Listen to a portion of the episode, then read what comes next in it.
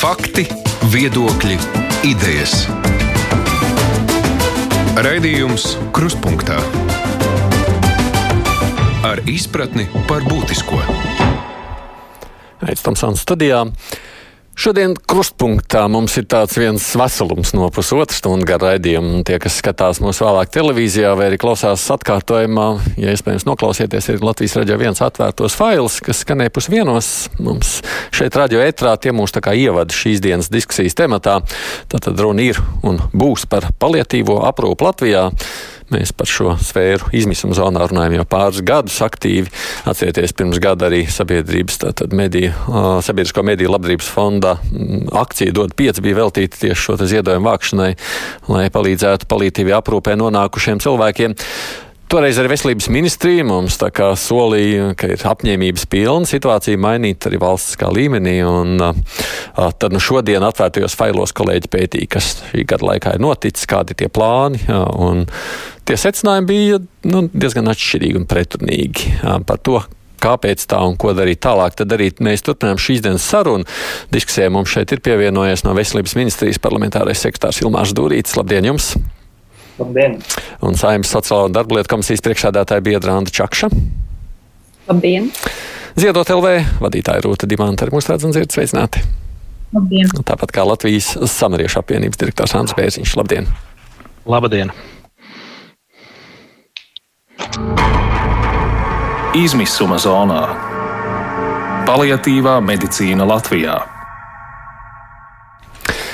Divas daļas man nu, vienmēr sanāk šajā sarunā uzreiz nodalīt. Tas ir viens ir aprūp mājās, otrs stacionārā, jeb tā īpašā nodeļa, kad paši galā vairs netiek.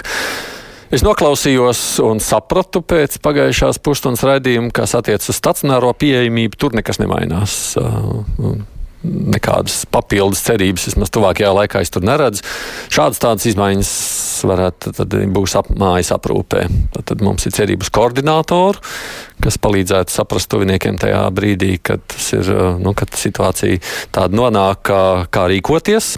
Varētu būt mediķu mobilās brigādes, ko es dzirdēju, jā, kas palīdzēs tad jau vajag medicīniski pārtiks pieejamība, to mēs jau esam pieminējuši, kas ir vēl viens tāds pluss. Dimants kundze, ja tā skatās ar labo, ja mēs sākam, nu, tas ir vairāk nekā nekas, vai ne?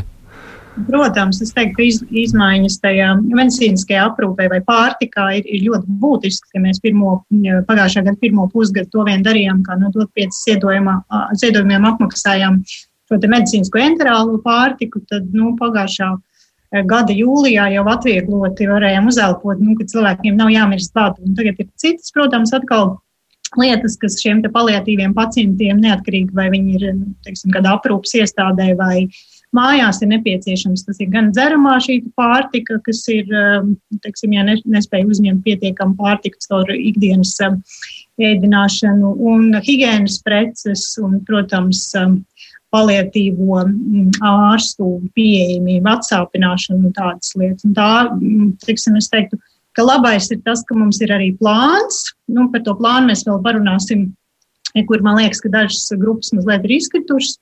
Bet kopumā es varu teikt, ka e, man liekas, ka ir ļoti labi, ka mēs Covid apstākļos neesam aizmirsuši arī par šo te grupu. Mm. Skatoties uz to, ka tas uzsvars vairāk ir uz to mājas aprūpi, Bērziņkungs, jūsu pieredze, nu, tas ir tas ceļš, kā var nu, to lietu risināt. Iet. Nu, Daudzas lietas var mājās tiešām darīt, jo, jo nu, man es ar, ar, ar tādu, tādu eh, vienu ausu paklausījos arī to, kas bija iepriekšējā raidījuma daļā, tā kā skanēja. Jā, nu, ir, ir mums ļoti daudz cilvēku, kam ir šī aprūpe mājās un kam, kam ir šī diagnoze paliatīva aprūpe, bet, protams, nu, tā, tā, tā lieta jau nav viennozīmīga, jo tas, ko mēs šobrīd lielākoties arī darām, ir, ir šī sociālā aprūpe, nu, tā, kas iet caur pašvaldībām, caur sociālajiem dienestiem, šo, šo medicīnisko daļu, jā, kas, ir, kas ir medikamenti, atsāpināšana un tā tālāk. Nu, tas, tas, tas, tas šobrīd nav mūsu, mūsu atbildības jomā. Nu, tur, tur būtu dažādi mm. risinājumi, kā to varētu darīt. Bet, nu, ir lietas, ko tiešām mājās var darīt, bet nu, katrs gadījums jau droši vien ir specifisks. Nē, nu, sociālā aprūpe arī visur nav pieejama. Es no savas pieredzes varu sacīt, ka manā pašvaldībā viņi nav pieejami. Jā, nu tas ir arī ļoti liels un labs jautājums. Mums tieši vakar bija, bija ar Labklājības ministriju saruna par to minimālo pakalpojumu grozu, tad pēc statistikas ir, ir, ir 95 no esošajiem novadiem šobrīd tā, tā aprūpa mājās ir pieejama, bet nu, vēl aizvien ir, ir daži, daži vai pats tādi, kuros nav tiešām. Nu, nu, nesam mēs visur vienādi, bet nu, katrā ziņā nu, doma ir tāda, ka vajadzētu tā tomēr būt. Nu, to es nezinu, to valstiski var izsināt. Jo, nu, droši vien jau, ka es esmu kādreiz ieminējies, nu, man jau ir gadu mājās. Mums pašiem mamma, kur mēs kopjam, kas ir pilnībā, nu, nu viņa paēst arī pat nevar, viņa neko nevar pati.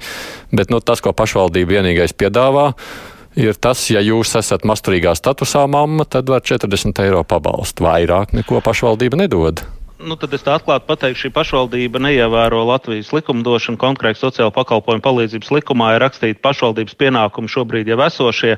Un, un, un es ieteiktu šādā, šādās gadījumos vienkārši dot rakstisku iesniegumu pašvaldībai, kad ir šāda veida palīdzība vajadzība, un pašvaldībai ir jādod risinājums, pat ja viņa nemaksā par šo pakalpojumu. Nu, pašvaldība, pašvaldība vienīgais vai... piedāvā, ka, ja mēs varam atrast kādu pansionātu, kur viņi var aizgrūst, tad viņi varētu palīdzēt tur mazliet. Nē, no aprūpe mājās ir viens no tiem pakalpojumiem, kam pašvaldībai, visām pašvaldībām Latvijā būtu jābūt jau tagad. Un te ir tas jautājums, vai pašvaldība vienkārši lasa tikai likumu par pašvaldībām, vai arī likumu par sociālo pakalpojumu, sociālo palīdzību. Tā kā nu, tur, tur, tur ir, nu, es pieļauju, doma reģionālā reforma iedos zināmu grūdienu un arī, arī ir citas aktivitātes, bet nu, es teiktu tā, ka šī pašvaldība nu, neievēro Latvijas likumu. Nu, labi, tur man pašvaldība ir tāda, kā tā ir. Tur neko nevar pasakīt šobrīd. Jā. Jā. Ja es piebilstu, ka palietīvie faktiski pacientiem ir ļoti atkarīgs no tā, kādā pašvaldībā viņi dzīvo. Un tas nav pieņemami, ka mēs cilvēkus nu, nevis pieejam viens standarts, kas ir nu, pamatstandarts, jā, kaut vai aprūpe. Un, un, diemžēl tā ir bagātākais pašvaldībā šis pakalpojums ir. Un, nu, tādā, man skaitās tādā, bagātākā pašvaldība Latvijā. Jā, nu, arī tādā, jā, tas gan, tas gan, jā, es zinu, arī Mārupē ļoti grūti ir ar, ar, ar klientiem dabūt kādu pabalstu. Bet eh, tas, ko, jā, labi. Jā, bet tad, ja drīkst, es, es šo negrasos uzsēsties galvu. Nu, te mums ir gan no veselības mm. ministrijas, gan no sājums. Tas ir izdarāms kaut kādā mērā tā, ka nu, nav tā, ka vienkārši atkarīgs, kurā pašvaldībā dzīvo, kā paveicās. Jā, jā. izrakstījāties jā. no viens. Nu? Ja drīkst. Jā, protams, Durīškungs. Jā, e, tas e, pirmkārt būtu jāsaprot, vai mēs runājām par šiem e, veselības aprūpas pakalpojumiem mājās vai sociālās aprūpas pakalpojumiem.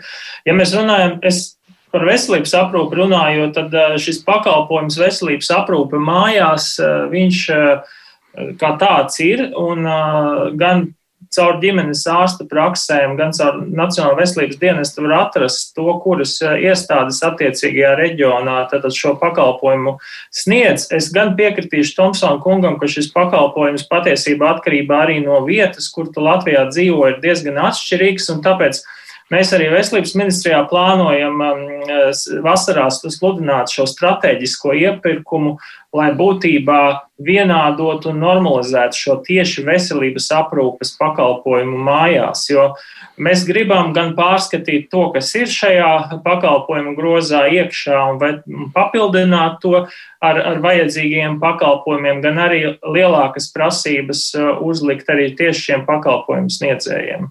Nu, jā, tā ir droši vien ir vairāk, protams, manā gadījumā tas ir stāsts, ka tas pampērs jānomaina, jā, un, un, un apmazgāšana jāveic, un sādiem jāpagroza, un pusdienas jāskrien pēc raidījuma ātri iedot, lai cilvēks nemirst badā. Nu, tā tas ir. Protams, es nevienu atrast nevaru, kas tur būtu gatavs to darīt. Es, es, es varbūt man liekas, ka var. Jā, jā, jā šakš, es vienkārši par to, man liekas, ka divas ļoti svarīgas lietas te iezīmējās. Pirmkārt, ka uzreiz mēs dalām veselības un sociālās, jeb mhm. labklājības ministrijas kā, kādas kompetences un stāsts patiesībā ir par cilvēku kurš tajā brīdī ir mājās. Un otra ļoti būtiska lieta, ja mēs runājam tiešām par ekonomisko efektu, tad, eh, ja cilvēkam ir jākopja otrs cilvēks, kas ir mājās, un viņš tādēļ zaudē darbu, eh, pretī ir ļoti skaidri ekonomiskie zaudējumi visai valstī kopumā. Līdz ar to es teiktu, ka es ļoti atbalstītu aprūpi mājās, bet ar aprūpi mājās saprotot, ka mums ir atbalsta cilvēki, kas dodas palīdzēt šajās mājās. Nevis, ka tas automātiski nozīmē, ka to mājas, mājas kopšanu nodrošina tikai un vienīgi radinieki. Un, eh, tā ir tāda viena ļoti, nu, man liekas, pārprasta lieta, ka aprūpe mājās nozīmē tikai visu uzkraut tai konkrētajai ģimenei, un tad atkarībā no tā, vai pašvaldība var vai nevar, viņa piešķir kādu atbalstu. Man liekas, ka mums ļoti, tas, kas man pietrūkst šajā plānā, ļoti, es, protams, uzreiz pie tā, kas man pietrūkst, bet pietrūkst tiešām tāds skatījums no šī cilvēka perspektīvas kā kopā gan veselība, gan labklājības, gan pašvaldība varētu nodrošināt šo aprūpi. Un man liekas, ka principā šim pakalpojumam jāiet pie pašvaldības, vai tā kopā ar, ar savu sociālo dienestu un piesaistot vēl citus pakalpojumu sniedzējus nodrošinātu labu aprūpi. Nu jā, es gribētu arī rosināt pat tādā situācijā, pieņemsim, kas notiek, ja es šodien, nu, pat, pat nu, nezinu, aizēju un pakrītu un nokļūstu slimnīcā vakarā, vai mums kāds no mājās saslimst ar covid, jo tajā brīdī, tajā pašā vakarā tas gulošais mājā cilvēks paliek, nu, es nezinu, uz. Jā, es paturpinot, varbūt čakšs Čakšs kundze teica, jo es īstenībā gribēju tieši sākt ar tieši to pašu veselības un labklājības eh, jomu, to, to, to sinerģiju un to tuvināšanos, jo, jo mēs esam gan viena, gan otra pakalpojuma sniedzēja. Ja? Mums ir institucionāla aprūpe, mums ir aprūpe mājās, sociālā, mums ir arī medicīniskā aprūpe mājās, kā līguma organizācija. Ja? Un mēs esam mēģinājuši saintegrēt šīs jomas tīri kaut vai nu, tanī, tanī mūsu atbildības jomā, bet nu, tur, ir, tur ir tik dažādas tās sistēmas caur šo kvotu ierobežojumiem, caur, caur teiksim, diabēta pēdu. Mēs nevarējām sniegt kaut vai mums mums viss ir, ja? bet mēs nevarējām tikt pie šīm kvotām, jo, teiksim, nu, nu, tur ir garš stāsts un gara, gara, gara lieta, bet, bet nu, protams, man prieks dzirdēt, ka, ka, ka domas par šī pieejas pārskatīšanu ir dienas kārtībā, un, un es īstenībā priecātos, ja varētu, varētu kaut kādā veidā, nu, kaut vai tajā brīdī, kad diskusijas mūs iesaistīt, lai mēs varētu kaut kādā veidā nu, iedot to, to pienesumu. No, kas to vidē cilvēku interesē? Es uzreiz ķeros klāt, nu, kas tad virzīs tagad šo, mēs tā izteicām domu, nu, tad virzīsiet kaut kā uz priekšu to. Jā, bet, eh, kolēģi, ja mēs arī skatāmies rūpīgi šo konceptuālo ziņojumu, kas ir sagatavots eh, par paliatīvu aprūpi un eh, ministru kabinetā arī izskatīts, tad patiesībā šeit ir faktiski, es gribētu teikt, pirmo reizi šāds ziņojums tapis precīzi šai problēmai Un šoreiz man jāsaka, ka tiešām ir prieks, ka tur ir uh, abas ministrijas un abas nozares, gan veselības, gan labklājības joma ietverta, un arī tajā plānojumā, kopumā tajā plānojumā uh, ir paredzēta tātad, gan šī labklājības uh, sektora vai aprūpes sektora sadarbība tieši ar veselības aprūpes. Tātad sociālais, psihoemocionālais, pat garīgais atbalsts un arī medicīniskais atbalsts. Bet uh, es piekrītu Tomsona kungs, ka plānā ir vairāk uh, uzsvers uz šo aprūpi mājās. Jo, ja mēs paskatāmies, tad kopumā ir trīs šie aprūpes līmeņi. Pirmais ir mājas aprūpe, otrais ir šis dienas stacionāri un tāda īslaicīga, teiksim, aprūpe iestādē, un tad ir šis stacionārs, ir trešais, terciārais līmenis. Ja mēs paskatāmies no sistēmas viedokļa, tad mums līdz šim tiešām šis trešais, jeb stacionārais līmenis, eh, tas gultu skaits tiešām ir nepietiekams un tur veidojas lielas rindas, bet viņš vismaz kā līmenis ir izveidots un sistēmiski izveidots. Tur vajadzētu vienkārši vairāk finansējumu, lai varētu paplašināt to pieejamību. Bet Faktiski šo, šis ziņojums ir koncentrēts uz šo tiešām sākotnējo to pirmo līmeni, jo faktiski šāds te pirmais un aprūpes mājās, aprūpes līmenis faktiski līdz šim sistēmisks skatījums uz to nav bijis, un tādēļ ir šīs mobilās brigādes, un tādēļ ir šis koordinators paredzēts. Jo faktiski pasaules pieredze rāda, ka šiem pacientiem ir sevišķi tad, kad tu kā cilvēks kļūsti vai tavs tuvinieks kļūst par paliatīvās aprūpes pacientu, tad tomēr sākotnēji šī, šī aprūpe maksimāli un arī cilvēks tajā ir ieinteresēts, ka viņš atrodas savā mājā, nevis uh, svešu cilvēku un tādā, uh, teiksim, nu, aprūpē. Ja vien tas, protams, ir iespējams. Ja viens ir, nē, nu, droši vien es pat šajā reizē varbūt arī gribētu piekrist tīri no savas personiskās pieredzes. Nu, man šī ir otrā mamma, kur mēs kopjam no paliatīvās. Mēs neesam gribējuši nevienu, ne otru kaut kur vest, kamēr tas vien ir iespējams. Nu, līdz šim mums tāds arī ir izdevies. Bet tas jautājums nav par to vien. Ja skatāmies mazliet uz to uh, mājās aprūpi un šo te mobilitāti, mobīlajām brigādēm. Un te es atkal lūkojos Bērziņa kunga virzienā. No jūsu pieredzes skatoties, tas būs atspaids un tas nepieciešamais, kas palīdzēs? Nu, jā, es šo ziņojumu lasīju kādu laiku atpakaļ, tāpēc varbūt man nav tik svaigā atmiņā tas jautājums. Nē, nu, tas ir, protams, jautājums, ko šī, ko šī brigāde, nu, kādā intensitātē un vai pietiekošā intensitātē visu šo apjomu varēs darīt. Ja mēs runājam par, par, par tādu sporādisku atbraukšanu uz vienu reizi kaut kādā konkrētā brīdī ar, ar droši vien ļoti labām lietām, nu, tur, tur ir jautājums, vai, vai, vai, vai tas racionāli būs izdarāms. Ja? Mums ir mobilās brigādes aprūpē mājās, bet mēs viņus veidojām pēc, par tādu ideju, lai mēs aiz aizvest infrastruktūru pie cilvēku mājās un nodrošināt aprūpi, kas viņam reāli fiziski nav iespējama. Mums jau vienmēr tam, ap to brigādi ir, ir kaut, kāds, kaut kāds efektivitātes rādījums, jo mēs nevaram braukt pāri pa visai Latvijai, teiksim, šobrīd no, no Rīgas uz, uz, uz, uz Rēzekni, jo, jo tur nav speciālisti un Rīgā ir speciālisti. Tur, tur vienkārši tur šis ekonomiskais jautājums ir svarīgs, bet, bet tā palietīva aprūpe, viņa jau, jau nu, arī tā, tā drošība cilvēkam veidojās ne jau no vienas apmeklējuma reizes viņam jābūt pārliecībai, ka gan radiniekam, gan cilvēkam, ka tā palīdzība viņam visu laiku ir pieejama, tur jābūt sistēmai. Nu, tas varbūt pilotu versijā iespējams, jā, bet, bet tā ilgtermiņā es, es Tagad, tagad mm, negribēšu teikt, jā. Čakšs kundze pa priekšu. Jā. Es vienkārši, man, man liekas, ka tā, tā domāšanai vēl pietrūkst viena tāda elementa. Mēs skatāmies ka, no veselības aprūpas viedokļa, un, un šajā plānā, kā viens no punktiem ir minēts, nepieciešams precīzi noskaidrot, kas ir palietīvā aprūpe.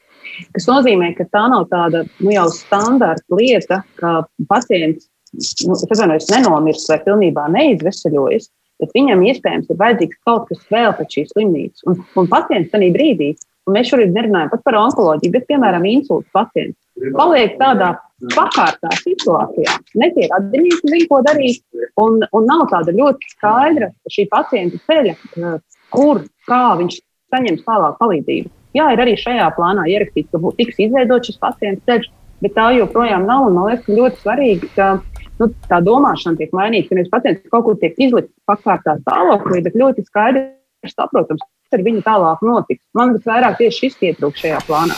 Nē, no otras puses ir jau tā, ka ģimenes ārsts tajā brīdī nu, tev pasaka, šādas medikamentus tev jālieto, tas tev jānodrošina. Nu, ja tu vari, tad tu nodrošini. Ja tu nevari, nu, tad droši vien meklē kādu palīdzību, kurš tev var.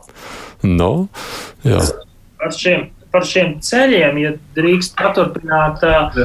Tāpēc arī šis koordinators ir paredzēts, protams, sāku, sākuma stadijā. Mēs arī kā pilotu projektu ieviešam šo vienu mobilo brigādi. Kaut gan pieredze no pediatrijas, no, no bērnu paliatīvās aprūpas rāda, ka šīs mobilās brigādes tomēr funkcionē diezgan labi. Uh, Bet, protams, kad faktiski par, par, par šo mobilo brigādi šis iepirkums tuvākajā laikā jau tiks izsludināts. Un es domāju, ka pavasarī varētu būt, ka viņi vai uz vasaras sākumu jau sāk darboties.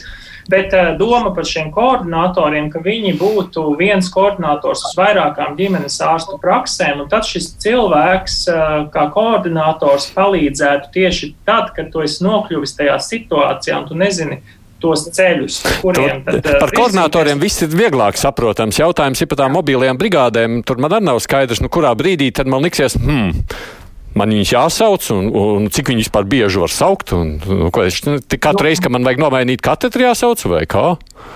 Nu, redziet, mobilā brigāde būs, uh, ir domāta, un tāpēc arī tajā pilotu projekta laikā viņi tiks testēti, bet viņi ir domāta 24-7. Un uh, faktiski tajā situācijā, kad uh, tur ir plānots gan piesaistīt brigādei ārstu, gan arī medicīnas, tātad video medicīnas personāla, medicīnas māsas, kas speciāli ap, a, a, apmācītas. Un tad, kad šis pacients ir šajā tādā krīzes kaut kādā posmā, ja, tad uh, cilvēkam un tuviniekam vai pašam cilvēkam nevajadzēs zvanīt, piemēram, uz neatliekamās medicīnas palīdzības dienestu, bet tieši šai mobilai brigādē, jo tur būs speciālisti, kas ir uh, iespējams, vajadzēs pacientu transportēt uz slimnīcu. Iespējams, viņam pietiks, kad viņi mājās varēs. Uh, nu, Tā kaut kas pa vidu starp ģimenes ārstu un neatliekamo palīdzību? Tas ir, nu, to nevar salīdzināt ar ģimenes ārstu. Ģimenes ārsta mājas vizīti jums jāpiesaka, jums jāgaida un tā tālāk. Tas, tā ir speciāla būtībā palīdzība, ātrā palīdzība palietīvās aprūpes pacientiem. Tā tas ir domāts. Un šādas brigādes, ja viņas attaisno sevi, varētu būt vairākas Latvijā. Nu, Iespējams. Tā nav ikdienas aprūpe, tā es, ja, ja es pareizi saprotu. Jā, tā ir. Tā, tā nav ikdienas aprūpe. Tā ir tāda, nu, tāda īpašos gadījumos, īpašās situācijās. Īpaši ātrā palīdzība. Tā ir ārā ikdienas mājas aprūpe, kā jau es teicu, tā ir plānota šajā te strateģiskajā iepirkumā, kas patreiz ir veselības aprūpe mājās programma, bet mēs viņu plānojam pārskatīt un uzlabot šo veselības aprūpe mājās kā tādu. Jo tā patreiz Latvijā arī pastāv. Jā, tikai jautājums, cik viņa ir efektīva un cik viņa ir teiksim, no pakalpojumu pieejamības attiecībā no reģioniem pieejama. Vai tur nav tomēr plāns decentralizēt šo, tieši šo pakalpojumu reģionos? Jo manā skatījumā, ja tur nav iesaistīts labi arī koordinators, koordinators pakļausies kādai pašvaldībai vai koordinators pakļausies veselības ministrijai, nu, Nacionālajā veselības dienestam. Kā tas tiks organizēts? Jo te, tās detaļas ir ļoti svarīgas, lai tas pacients tiešām saņem to pakalpojumu. Nē, vienkārši tajā brīdī es nesapratīšu, vai man zvanīt ātrajam, vai man zvanīs kaut kādu īpašo telefonu, kurš sacīs, ka viņš brauks apstīties to man Nu, redziet, tas, tas būs koordinātora darbs. Kas... Tam man papriekš jāpiezvan koordinātoram, jāpaprasa, vai man jāzvan ir ātriem. Jā, es ja drīkstētu. Es, man liekas, cilvēki, pacienti, tuviniekiem būs ļoti grūti izvērtēt, kad zvanīt ātrai palīdzībai, jo liekas, ka tūlīt, teiksim, neatliekam palīdzību, kad zvanīt šeit brigādē. Bet ko es gribētu teikt par koordinātoru? Man viņa no vienas puses liekas ļoti laba ideja, bet no otras puses man tas liekas tā kā tāds dzīvais buklets Jo mēs, eh, tad, kad bija dot pieci akcija, tad veselības ministrija sagatavoja bukletu, kur tev ir vērsties. Un, un tur viss skaidrs, ka ģimenes ārsti sūta uz aprūpi mājās, māsiņa nāk, pašvaldība dod aprūpi mājās, respektīvi ģimenes ārsts medicīnisko aprūpi. Un eh, tad, kad tu nonāc līdz realitātei un zvani pie tiem tālruņiem, tad tā pakalpojuma otrā galā diemžēl nav. Un, la, ko tad koordinators, kam tad viņš zvanīs? Ko tad, kas tad tam ko tad koordinators atšķirsies no tā bukleta? Ja viņš piezvanīs ģimenes ārstam, ģimenes ārsts teiks, man nav māsa, ko es sūtītu, jo tagad ir covid. Tā. tā ir viena lieta, e, kas nav skaidrs, ka tā koordinatora tāda nu, resursi. Un otra lieta, ja mēs runājam par aprūpi mājās, un, un arī uz ko ir teiksim, ļoti liels uzsvars šajā koncepcijā, mēs atkal atstājam ļoti daudz uh, ģimenes um, teiksim, tuvinieku uz pleciem. Tas, ko Čakšs teica par šo te ekonomisko aktivitāti, jo, kā jau teica, nu nevar atstāt to cilvēku, nu nevar aizbraukt ne komandējumā, nekur. Vienkārši esi viņa pieskatītājs. Un, ja mēs skatāmies uz paliatīviem pacientiem, kas ir um, teiksim, mūža nogalē, ja, tas ir ļoti pareizi. Jā, cilvēkam ir. Es arī gribētu savā mājās aiziet tuvinieku, ja būtu, kad ir sakārtots viss teiksim, medicīniskais atsāpināšana un tā tālāk. Bet eh, palietīvie pacienti jau ir arī gados jauni. Eh, teiksim, pēc avārijām un tādu. Un, ja viņš tāds tur ir visu laiku mājās, tas skaidrs, ka ģimene ir disfunkcionāla. Un, un, eh, tā, to nevar atstāt tik daudz uz, uz, uz, uz um, ģimeņa pleciem. Un, savukārt, tie cilvēki, kas ir kā, aprūpētāji vai asistenti, kas nāk, nu, Bērziņkungs droši vien pateiks, ka mēs nevaram atrast tos cilvēkus. Tas darba tirgus ir tik ierobežots un atalgojums, un tās prasmes, ka tur vajadzīgs vienkārši nav jau kas strādā, arī nav ko Tā nav tāda karjera, ko kāds gribētu. Respektīvi, viens ir plāni, bet otrs ir, kā mēs apskatāmies dzīvē, kas tur notiek. Nu, tas, ko tagad sacīja Imants Kundze, ņemot vērā, ka man jebkurā gadījumā jūs šobrīd jāpārtrauc, jo es nevaru vienmēr dabūt pie telefona, jebkurā brīdī Rīgas domas priekšsādātāja mātiņa Staķa, bet viņš ir šobrīd sazvanīts. Staķa kungs, labdien! Halo! Jā, Jūs man dzirdat, jā. Mēs savulaik atcerieties, kad esam pietiekuši daudz par to runājuši. Un tad, kad šī izmisuma zona bija, jūs, tas bija vēl priekšvēlēšana laiks, jūs teicāt, ka tad, ja jūs kļūsiet par Rīgas mēru, tad Rīgā gan. Nu, tas man nepaveicās, es nedzīvoju Rīgā, bet Rīgā gan. Tur būs iespēja šo lietu sakārtot, jūs atradīsiet gults, jūs, jums šī izmisuma zona, palietīva aprūpe, būs prioritāte. Nu, ir jau pagājušas tās simts dienas. Kā tā prioritāte ir izpaudusies? Šeit tomēr ir eh, jāprecizē, kas ir pašvaldības kompetences. Un šajos jautājumos mums, protams, kompetence sniegt cilvēkam un ģimenes locekļiem nepieciešamo sociālo atbalstu, šo sociālo palīdzību, šo pakalpojumu un, protams, aprūpi. Neatkarīgi no tā, vai viņš ir mājās vai sociālajā institūcijā. Tā ir mūsu uh, sadaļa. Uh, te, tā sadaļa, kas ir tehniskie palīdzekļi, psihosociālā rehabilitācija, materiālais atbalsts, ir labklājības uh, nozares, jo labklājības ministrijas uh, sfēra. Un veselības aprūpas jautājums, protams, jau minētais koordinators ir attiecīgi veselības ministrija. Un šie jautājumi strādās un darbosies kopā tikai tad, kad viņi ies tā teikt vienotā uh, sazobē. viena pati pašvaldība šeit, šajā gadījumā, protams, nav tas, uh, kas var šo problēmu ņemt. Nē, nu labi, to jūs zinājāt, protams, arī pirms vēlēšanām, bet nu, ir skaidrs, ka tagad mērs esat. Kas ir tas, ko tad jūs tur darāt? No pašvaldības budžeta un līdzekļiem ir, protams, visi tie pakalpojumi, kurus mēs veicam sociālajos centros, kur, protams, arī ir paliatīvo pacientu klātbūtne, gan īslaicīgās aprūpes gultās, gan arī citos sociālās aprūpes centros. Šobrīd strādājam pie pirmā pilota projekta par sociālās aprūpes un hospice pakalpojumu nodrošināšanu divas vietā, kas ir nodibinājuma hospice LV. Bet uh, vēlreiz Rīgas domas redzējums par šo integrēto veselības aprūpu un sociālos aprūpas pakalpojumiem uh, izveidu valstī, nu, kā vienīgo efektīvo risinājumu mēs redzam šo starpnozaru sadarbību. Nu, protams, neviens neliedz sadarboties ar valdību. Viņi ir gatavi ar jums. Ne? Jā, valdība diezgan regulāri veselības ministrija rīko darba grupas. Arī pēdējā bija pusgada ilga darba grupa, kur no mūsu puses pārstāvēja arī Maurkungs. Uh, nu, nav pagaidāmā informācijas, ka šī darba grupa būtu arī beigusi savu darbu, kāda redzama rezultātu. Nu, ja drīkst savukārt par ļoti konkrētām lietām. Viena no lietām ir šī gultas vieta pieejamība. Nu, ne visi var mājās tiešām izdarīt aprūpi. Viena no lietām, ko pašvaldība var, ja grib un ja spēj, protams, ir jautājums par gultas vietu palielināšanu. Jā, bez šaubām mums ir 500 uh, cilvēku, pat vairāk šobrīd rindā, un šie rindas tikai nākotnē augs. Tā kā uh, Rīgai būs uh, jāatrod uh, vairāk gultas vietas šeit, uh, to, to nav nekādu šaubu. Jūs kaut ko darāt lietas labā? Šobrīd strādā uh, Viestures Klimbergs, kurš mums ir atbildīgais komitejas vadītājs. Viņš, viņš pats ir nācis no šīs nozares. Un, uh, viņš uh, būs gatavs par šo man kaut kādā laikā ziņot savu redzējumu, vai mēs to darām sadarbībā ar privātajiem, privāto publisko partnerību un tā tālāk. Mums no sākuma šeit ir skaidri jānodefinē savu politiku šajā jautājumā. Tā es pareizi saprotu, tagad no visu jūsu sacītā jūs šobrīd esat nodalģējuši kādam savam kolēģim, viņš tur strādā un kaut kad nāks pie jums ziņojumu. Nu, uh, mums ir uh, komitejas, komitejas ir sadalītas par šīm atbildības sfērām. Un, protams, ka primāri šo politiku veido šajā komitejā, un komitejas vadītājs to, to, to, to dara. Jā. Tā kā pēc prioritātes neizklausās.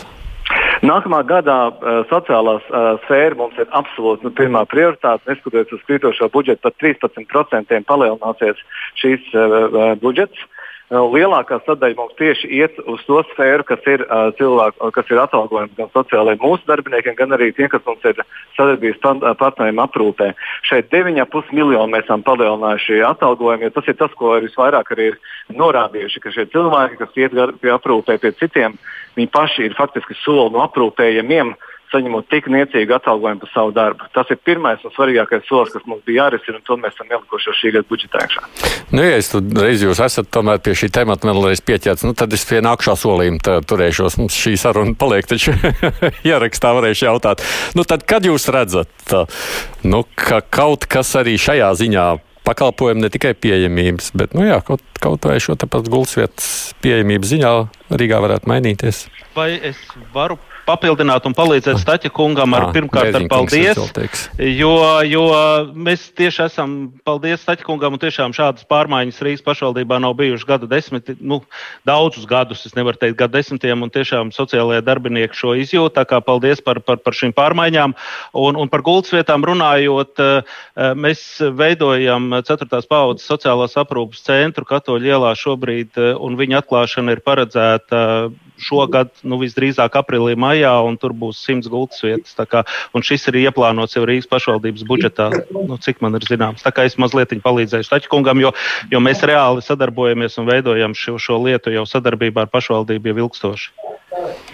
Paldies, Bēziņkungs. Jā, man bija vesels saraksts priekšā, kur mēs šo vēl 3,2 miljonu uh, šī gada budžetā sadalīsim šādiem un līdzīgiem pakalpojumiem. Šis ir viens no tiem, ko jūs arī minējāt. Nu, labi, Mārtiņš Tačs, Rīgas mērs, paldies jums, protams, par to, ka bijāt sazvanāms šeit. Es atgādināšu, Andris Bērziņš ir Samiriešu apvienības direktors Ziedot LV vadītāja Rūta Dimanta, Anda Čakša, Saimnes sociālā un darblietu komisija pārstāv un veselības ministrija Ilmārs Dūrītis. Raidījums Krustpunktā. Droši vien tāds mazs komentārs tā jau varētu būt, ka politiķiem pietiekoši daudz ko domāt, lai viņš uzreiz uh, nezinātu pats, ko ir viņa nu, pakļautības iestādēs dara. Bet, ja runājam savukārt par tām gultas vietām, nu reiz iesākāt Beziņkungs mazliet pieminiet, jo man jau liekas, šī gultas vietu pieejamība, tas ir viens no laikam sāpīgākiem jautājumiem vispār runājot politikas aprūpas kontekstā. Tur eh, nu jā, nu mēs principā veidojam 4. paudzes sociālās aprūpes centru. Nav, nav tas, tas galvenais akcents uz šo, šo paliatīvo aprūpi, bet, protams, mēs spēsim nu, pielāgoties vai, vai, vai nu, radīt kaut kādas, kaut kādas lielākus, lielākus risinājumus, teiksim, no kaut kādām specifiskām mērķu grupām. Mēs esam, esam arī runājuši, kad, kad viens stāvs varētu būt arī, arī, arī ar šo mērķu grupu. Man konkrēti lēmumi jau šobrīd gan vēl nav, bet nu, tās sarunas ir bijušas. Kā, nu, tas, tas, tas, tas, tas kopējais vajadzība apjoms ir, ir lielāks, un, protams, te, ir, te, te būtu jautājums eh, tāds, tāds, tāds jau globālāks, eh, izmērīt, kā mums, kā mums eh, noveco sabiedrība, cik ļoti mums palielinās aprūpas vajadzības, cik mēs gribam Eh, aprūpi nodrošināt ar, ar ģimenes locekļu rokām, ar, ar profesionāļiem aprūpētājiem un ar, ar, ar eh, aprūpas institūcijām. Tā kā nu, te būtu tāds, tāds jau tāds valstisks redzējums par šo sistēmu kopumā, un, un šeit jau nav, nav tik principiāli būtiski, vai, vai, tas, vai tā gultas vieta ir izveidota valsts institūcijā, pašvaldības institūcijā vai biedrībā, vai, vai varbūt arī kādā no privātajiem. Galvenais jau, lai, lai, lai Latvijas iedzīvotājiem šī, šī palīdzība būtu pieejama, lai viņi varētu šo palīdzību saņemt. Un, un te būtu nu, vienkārši no tā, no tā sistēmiskās sadarbības viedokļa būtu ārkārtīgi labi, ja mēs varētu vienoties par šo, par šo nu, nezinu, principu naudu seko cilvēkam, bet sadalīt šīs kompetences, jo, jo, jo, jo ir, ir lietas, kas, kas pilnīgi noteikti var, var būt sociālajos budžetos, ir lietas, kam noteikti ir jābūt veselības jomā, ir lietas, kas atkal atbild par dzīves vietu, kur atkal varētu būt, būt cilvēku izvēle dzīvot vienos vai otros apstākļos. Ja? Un, ja mēs spētu šīs lietas sakombinēt un, un, un, un, un tam tam paliatīvās aprūpas pacientam vai, vai, vai, vai, vai aprūpas mājās klientam vai, vai institūcijas klientam, aprūpas centrā, viņam tas viss nāktu no visām pusēm kopā, tad tas būtu solis, solis uz, uz, uz labāku risinājumu. Jo, jo, diemžēl, šobrīd šī sadarbība nav. Jā, tas tas mm. ir jāatzīst. Mm. Čakškundze. Nē, pabeigšu čakas kundze gribēju. Jā, man liekas, jūs redzat, arī šajā sarunā mēs visu laiku, tā kā, uh, man jāsaka, tā drēfējam. Nu, mēs atbildības bīdam no vienas otras. Ilgtermiņa sociālo aprūpi, un sanāk tā, ka tam cilvēkam vai tam viņa radiniekam jāsaprot, kuru, kura veida palīdzību viņam vajag. Tad viņš tagad ir palietīvajā vai īslaicīgajā sociālajā vai ilgtermiņa sociālajā palīdzībā. Un nevis tā, jautājums tiek risināts tiešām no šī pacienta kurpēm, bet nepārtraukti, kā mēs to sistēmu esam uzbūvējuši. Un tāpēc man liekas, ka, ja nu, pieņemsim, tā būtu pašvaldība atbildīga vienkārši par cilvēku un spēja veidot uh, to komandu rīcību, tas, kas viņam ir nepieciešams, tas būtu daudz efektīvāk nekā nepārtraukti mēģināt saprast, kur tad viņš pieder un kurai iestādē tad ir jāpieslēdzas un kurai nav. Un, un kamēr nebūs tas, ka ir nu, tāds viena skaidra atbildība, tikmēr tā tas arī turpināsies. Turīšs kungs.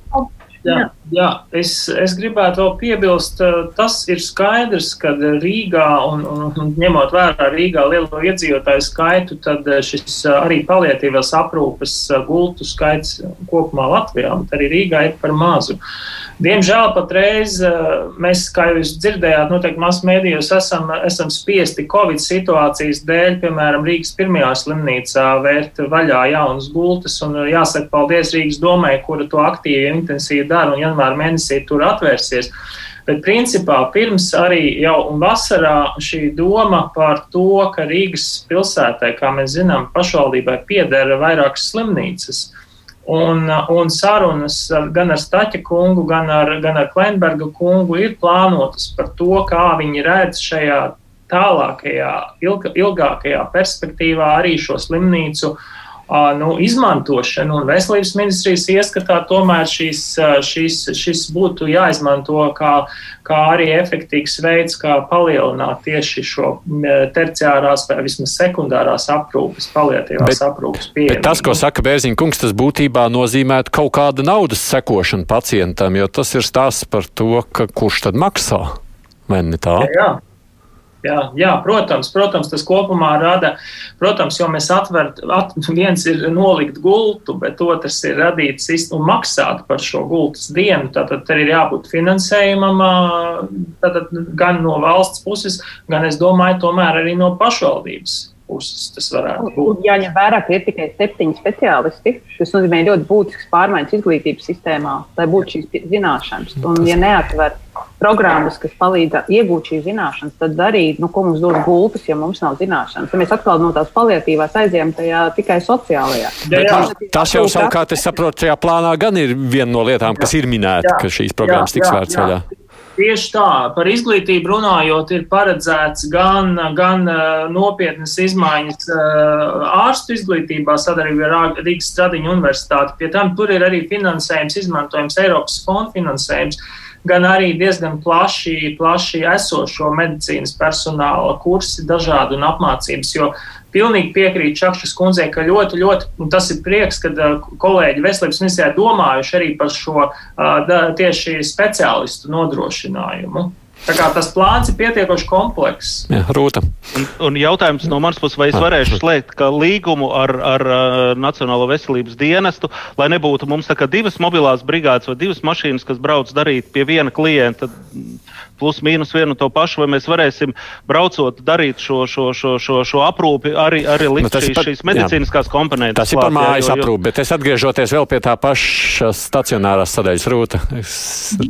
Man, es katrā ziņā lasot šo stratēģiju, neatredzēju to finansējumu palielināšanu. Es nevarēju atrast, vai tiek palielināts tikai finansējums esošām būtām, teiksim, varbūt konkurētspējīgāks, teiksim, šis te atalgojums un nodrošinājums, vai arī tiek e, pieņemts, ka palielinās teiksim, valsts slimnīcā šīs gultas. Tas ir viens jautājums. Otrs, ko es gribētu arī Ilgas Taķa kunga kontekstā runāt, un tas, ko es dzirdu, man dara bažīgi. Un, un to, mēs, tas ir labklājības ministrijas, tas ir veselības ministrijas, tas ir pašvaldības. Mums ir jānodala, mēs par to neatbildam. Bet tad, kad tas mūsu cilvēks, kur, kurš ir pelnījis pacientu, vērstu aprūpi, viņam taču ir pilnīgi vienalga, vai jūs pašā, pārstāvat pašvaldību vai veselības ministriju. Man tiešām tas neinteresē. Un tādā brīdī vissliktākais, kas ir pret pilsoņiem, ir tāda, nu, neteikšu melošana, bet izlikšanās, ka mums viss ir kārtībā, mums te redz sociālais dienas to darīs to, un tad, kad tu nonāc tajā situācijā, un tev nav pretī nekāda šī E, pakalpojumu viens uz otru skatās, nu, tad tam pilsonim pret valsti un pret politiķiem rodas aizvainojums, un to mums, to mums nevajadzētu. Bet jā, es gribētu zināt par tām gultām, un otra lieta, ko es arī skatījos un lasīju koncepcijā par šo te atalgojumu palielināšanu un izglītību, tad es arī lasu citas koncepcijas, onkoloģijas jomā, psihiatrijas. Visur ir viens un tas pats. Palielināsim speciālistiem atalgojumu, lai būtu konkrēts, lai nāktu uz bērnu psihiatriju, taisīsim vairāk rezidentu vietas visās jomās. Tas, ir, tas nav tā, ka mums trūktu tikai mediķi, teiksim, palietīvē. Un tad, nu, tad, tad tas ir jautājums, nu, vai šis ir risinājums. Nu, te ir divi jautājumi, kas droši vien jāatbild Durīškungam. Jā, nu, kā jūs zināt, ar šo gadu arī, ja mēs runājam par ārstniecības personālu, par ārstiem, tas atalgojums ļoti būtiski palielinās. Mēs taču redzējām milzīgu finansējumu ārstu un medicīnas māsu algu pieaugumam. Runājot par sociālās aprūpes darbiniekiem un, un šiem speciālistiem, tur es dzirdēju no Staķa kunga, ka arī ir būtiskas izmaiņas, ja, jo sociālo aprūpes darbinieku atalgojums sociālās aprūpes centros, tas ir pašvaldību pārziņā, cik man zināms. Jā, bet beig beigās nav tā. Nu, tā es tādu pali, tos pašus jautājumus, ko Rūta uzdeva, turpināšu uzdot. Tad nebūs tā, ka nu, visiem vajag, visu soli, visur vērsim vaļā, visiem maksāsim vairāk, bet beig beigās jau, nu kā, prioritāts jau tomēr ir vai nav. Un tā, ir, un tā ir politiska, protams, ka beigu, beigu galā tā ir politiska Jā. vienošanās. Bet es teiktu par šo plānu runājot, ka daudzas tās aktivitātes, kas arī plāna beigās ir paredzētas tabulā, un ļoti daudzas ir paredzētas tieši šajā gadā, 2021. gadā, piemēram, izmaiņas ļoti daudzos normatīvos aktos un tā tālāk.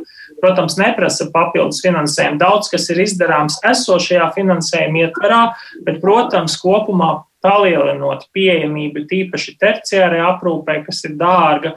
Jā, protams, ka finansējums papildus valsts budžetā būs, un ar 22. 23. gadu viņš tur arī, un 22. gadu viņš tur arī iezīmējas diezgan nopietni arī, arī Latvijas.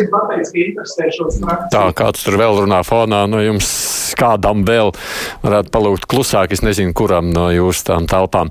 Savukārt, runājot, ja drīkst, es tomēr atgriezīšos vēlreiz pie tā paša, un turīšu kungs, tas jautājums tomēr ir jums. Tad es, vai es pareizi saprotu, ja tas finansējums tiek palielināts, lai būtu vairāk gultas vietu, nu, tie stāsts par tiem, kas nevar mājas aprūpēt to nodrošināt ir runa par to, ka mēs varam paši savas slimnīcā, vai runa, ka mēs pērkam pakalpojumu arī no tiem, kas to var. Vai tā ir Rīga, vai tas ir kāds privātais, nu, proti, no nu, tajā brīdī nauda seko tur, kur tā gulti pieejama.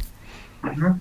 Jā, es teiktu tā, ka tas ir gan, gan, jo mēs būtībā galvenais jautājums ir finansējums. Uh, Jo, jo, ja mums ir finansējums, mēs varam gan šo te pakalpojumu izvērst valsts slimnīcās, vēl papildus, gan arī pašvaldību slimnīcās, gan arī uh, privātajās iestādēs izkonkursēt. Jo, piemēram, kaut vai arī tas, ko jau, jau Bērziņkungs runāja par šīm mobilajām brigādēm, tad nākotnē ne, mēs neizslēdzam, ka tās būs teiksim, privātas medicīnas eh, kompānijas, kuras varēs piedalīties konkursā un, un, un, un, un nodrošināt kvalitatīvu pakalpojumu.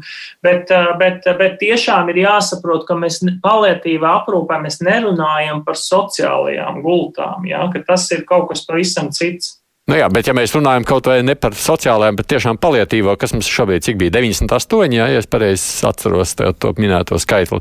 Ja mēs pat gribētu dubultot, nu pieņemsim dubultot, par kādām summām ir runa, lai priekšstats?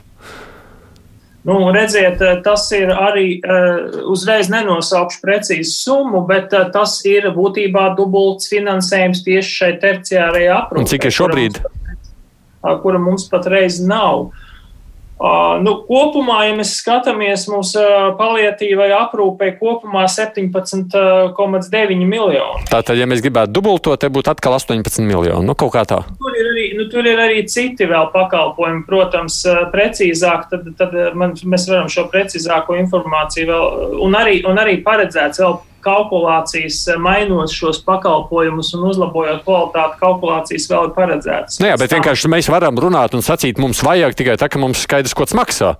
Mēs jau nevaram sacīt, mums vajag, un tad nezinu, cik iedos tā domāsim. Mēs katrā ziņā gribējām arī jau, jau nākamajā gadā palielināt šo finansējumu tieši nu, tad, skatoties trīs eh, gadu termiņu budžetā. Nu, Finanšu ministrija patreiz tam nepiekrita ar 22. gadu. Uh, jau, bet uh, mēs vienalga, tā ir tomēr veselības ministrijas uh, prioritāte, un uh, ne par velti mēs esam šo plānu tomēr tik detalizēti izstrādājuši, mēs, mēs par šo finansējumu tomēr pacīnīsimies vēl. Ja, ja drīkst, man liekas, ka mazliet vienkārši pietrūkst tāda vairāk izpratne par to, par ko ir vispār stāsts. Jo viena un tā pati diagnoze, kādā brīdī var būt vienkārši diagnoze, kādā brīdī paliatīva diagnoze, kādā brīdī tā ir nepieciešams sociāls atbalsts. Un, ja mēs nepārtraukti visu saliekam vienkārši par diagnozēm un kodiem, mēs aizmirstam tur to cilvēku. Un te man jāpiekrīt tam, ko teica Dimants Kundze. Ja, ja nesāk skatīties caur cilvēka prizmu, nu, tajā vērtībā balstītajā veselības aprūpē, tad tas nemainīsies. Un tā ir tā kopējā aprūpe par cilvēku. Un, ja to nevar izdarīt veselības ministrija, varbūt tas ir jādod uz ārpusi. Eh, tām organizācijām, kas jau ar to ļoti labi tiek galā. Nu, ja mēs apskatāmies kaut vai uz bērnu palietīvās aprūpes biedrību, kuri pēc būtības ir pierādījuši, ka viņi ļoti labi organizē. Un tas tā naudas summa, kas viņiem pietrūks, nav nemaz tik liela, kā Dūrīša kungs šobrīd sauc lai nodrošinātu tās vajadzības gan saistībā ar pārtiku, gan mm, tehniskā, tehniskajām lietām, gan uh, higiēnas precēm. Un, ja pēc līdzīga principa sāktu no, nu, no vienas pašvaldības organizēt to arī pieaugušajiem, iespējams tā, tas, tas, nu, tā problēma nemaz nebūtu tik liela, kā mēs viņu zīmējam, nepārtraukti pārklājot ļoti daudz dažādas lietas. Bet domāšana arī ir jāpamaina. Mēs nevaram pa vecam izteikt jaunus pierādījumus. Nu, man jau arī gribētos, ja jūs varētu mazliet vienam tādam pamuļķim kā es paskaidrot tajā brīdī, kad man mamma saslim ar vēzi. Nu, kamēr viņai nesāp, tikmēr tā man ir sociālā aprūpe, kamēr es mainām pamperus un apkopjam un apgrozam. Tā kā viņai sāk sāpēt, tā kļūst par paliatīvo. Kurā brīdī tad man tā robeža jāatrod? Sākumā pietiek ar analgīnu, tad, tad tā jau vēl nav paliatīvā. Ja? Kurš ir tas medikaments, kurā man viņa jāpārtājas būt tādā citā kategorijā? Bet ir vispār tāds kaut kāds sadalījums, saprotams, tajā visā. Būtībā tādas, tādu skalu noteikti paliatīvās aprūpes speciālists obligāti atbildētu. Tā, jā. Mm -hmm. tā, tā nebūs gluži mana. Nu, jā, jā. Nu, tā, bet tāds normāls cilvēks, es to nezinātu. Jo ir jāsaprot, ka ir diagnozes, ar kurām var dzīvot ilgstoši, bet viņas nav izārstējamas. Un, uh, ir nepieciešams atbalsts, uh, nu, precāta terapija, dažādas atbalsta terapijas. Bet tās tikai simptomātiski, nevis ka mēs varam ārstēt šo slimību. Un tāpēc uh, tiešām tie var būt cilvēki, jauni gados, tie var būt arī bērni. Jā. Un, uh, un šie speciālisti jau nesēž viņiem klāt. Tā ir tikai konsultācija un tālāk jau aprūpe notiek tādā ikdienas līmenī, bet ar šo konkrēto. Jo es tur tā nemāku pilnībā nodalīt, kur man beidzās sociālais, kur sākās medicīniskais. Man tur tā kā viss ir roku rokā. Un cilvēkam tas arī nebūtu svarīgi. Viņam ir svarīgi saņemt vajadzīgo palīdzību. es, teiktu, es teiktu, jā, ka tur ir abi divi, gan šis sociālais, gan, gan medicīniskais. Uh, komponents. Nu jā, tieši tāpēc jau tas jautājums ir, kurā brīdī tur es, es, es nevaru to atbildību sadalīt, kurā mirklī man uz kur pusi ir jāskatās tajā visā. Skatoties tā, jā. Bet mēģinot. Bet jā, nē, nu, nu, plāna, plāna kontekstā ar palietīvo aprūpi, protams, mēs saprotam tādus pacientus, kuriem, kuriem ir slimība, kas būtībā ir neārstējama slimība un kur nav prognozējama atgriešanās un izveseļošanās pilnībā. Nu, manā gadījumā tur nevienam no otram, protams, nav. Skatoties tādā situācijā, tagad nākotnes perspektīvā. Uh, mums sāks pirmais tātad, projekta īstenošanas stāsts par mobīlo brigādi. Es sapratu, tā jūs parādījās ierakstā, varētu parādīties pirmais eksperimentālais variants janvāra beigās. Cik ilgi eksperimentēsiet, un kad tālāk sapratīsiet, ko tālāk? Par mobilo brigādi runājot tā, tad, tad faktiski iepirkums ir sagatavots, Jā. iepirkums jāsludina. Tad, kad būs konkurss noslēdzies, tad ir trīs mēneši dots šim te pretendentam sagatavot, nu, piesaistīt speciālistus, ie, iepirkt vēl nepieciešamās, teiksim, lietas. Un uh, man speciālisti saka, ka realitātē šis pakalpojums varētu pilotā sākt uh, strādāt, nu, teiksim, maijā, jūnijā. Mm -hmm. Cik ilgi pilotēsiet? Tad viņš tiek darbināts 15 mēnešus, un 15. tad tiek izvērtēti šie rezultāti. Un paralēli, protams, ja mēs redzam jau sākotnēji, ka tas strādā, tiek meklēts finansējums tālāk viņa uh, darbībai. Un tie, un tie ļoti daudzie jautājumi, kas ir sab, nu, palika šeit neskaidri, un es domāju, ka mēs viņus te arī neatrisināsim. Gan ko Bērziņkungs sacīja, gan jā, kurā vietā tur nenotiek dublēšanās starp viņu brigādu un jūsu brigādu. Nu, proti, tie kā tiks atrisināti, jeb skaidrot kaut kādās savstarpējās sarunās tagad? Jā, ticiet, man tie ir diezgan detalizēti. Šie jautājumi ir izdomāti un pārdomāti. Viņi arī ir eh, šajā te tehniskajā specifikācijā, kura patreiz nav publiskojama, tāpēc, ka vienkārši tur būs konkursa procedūra un tā tālāk. Bet, eh, bet eh, speciālisti man saka, ka, jā, protams, šī kāda pārklāšanās var būt, bet šī specifiskā aprūpe, kas patreiz faktiski Latvijā nav, kur ir tas tukšums, un neatliekamās medicīniskās palīdzības dienests vienkārši šiem pacientiem, kuri paliatīvi aprūpē, sauc pēc palīdzības, vienkārši viņus eh, bieži vien izrauj no mājām un aizved uz slimnīcu, un tur šie pacienti bieži vien arī nomirst. Ja?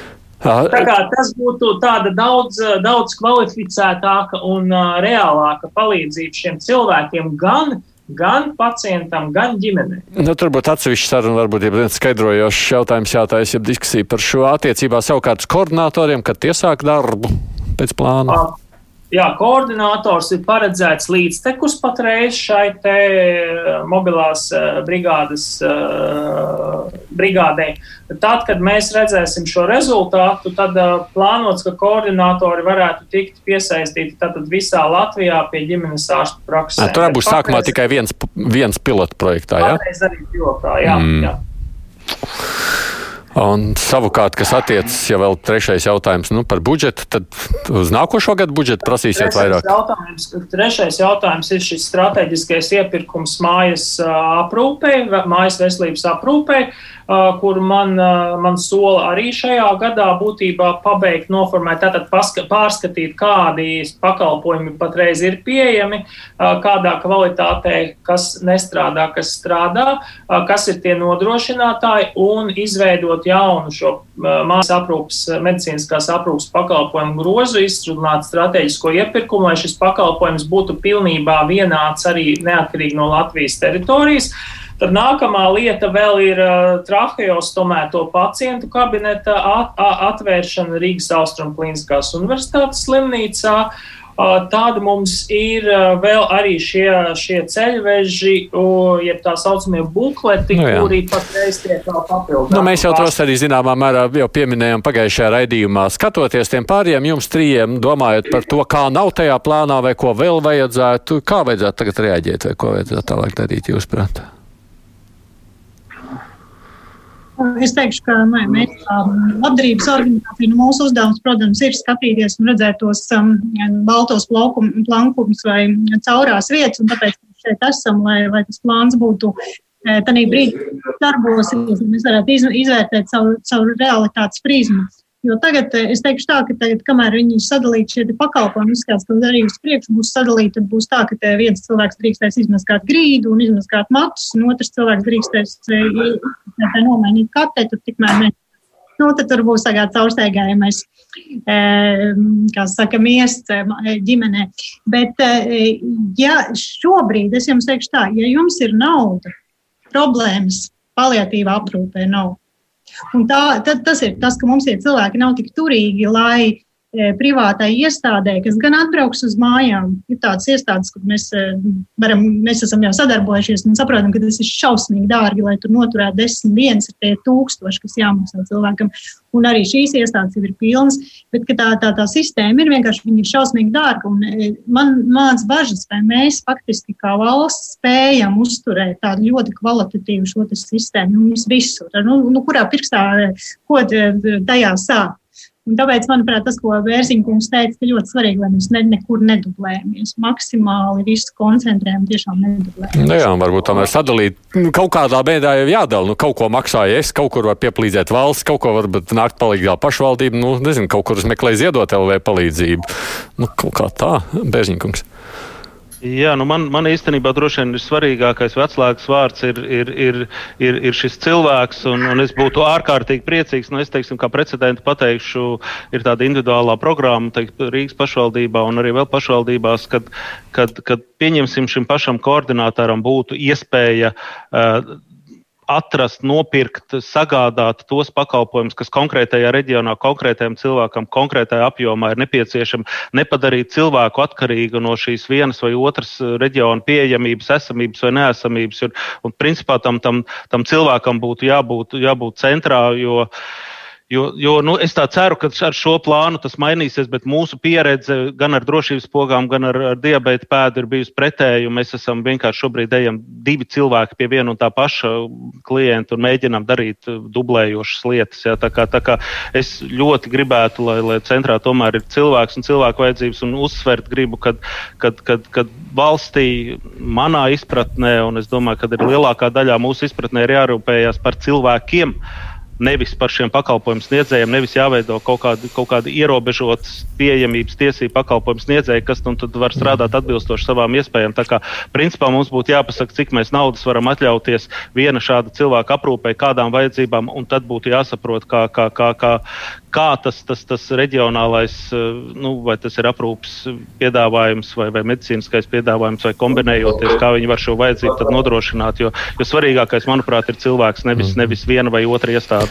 Man, diemžēl, laiks vairs neļauj turpināt. Piedodiet, kas vēl paspējāt nepateikt savu domu, nepaspējāt pateikt, redz, kā man jau mēlis sāk mežģīties. Bet paldies jums, ka iesaistījāties. Mans tas vēlējums jums turiet atvērtu laiku to plānu. To diskusiju vajag laiku nekādā brīdī nevērt ciet, jo tikai tā, man liekas, skatoties ar realitāti un our plānoja tik pa brītņām atbilstoši realitātei, tikai es domāju, var iet uz priekšu. No Veselības ministrijas parlamentārais sektārs Ilmārs Dūrīts un Saimnes sociālā un darba lietu komisijas priekšādātāja biedra Anta Čakša. Paldies jums par iesaistīšanos Rūta Dimāna ziedot LV, kas ļoti daudz dara šajā darbā, un arī Latvijas Šamarīšu apvienības direktors Andris Bērziņš. Viņi ir tie, kas to sociālo aprūpu ļoti lielā mērā Latvijā daudz viet nodrošina. Paldies jums! Es, kā parasti rīt, protams, žurnālists pārnās nedēļas aktualitātes, tad runāsim par dažādām citām lietām, aktualitātēm, divas pušlodes par pasaules pasaules lietām, arī ko šodien vēl pēc pusdien trijiem tiekamies radio raidījumā. Turpiniet klausīties Latvijas raidījā viens producents Ievzeiz un Evi Junām studijā bija Aidis Tomsons.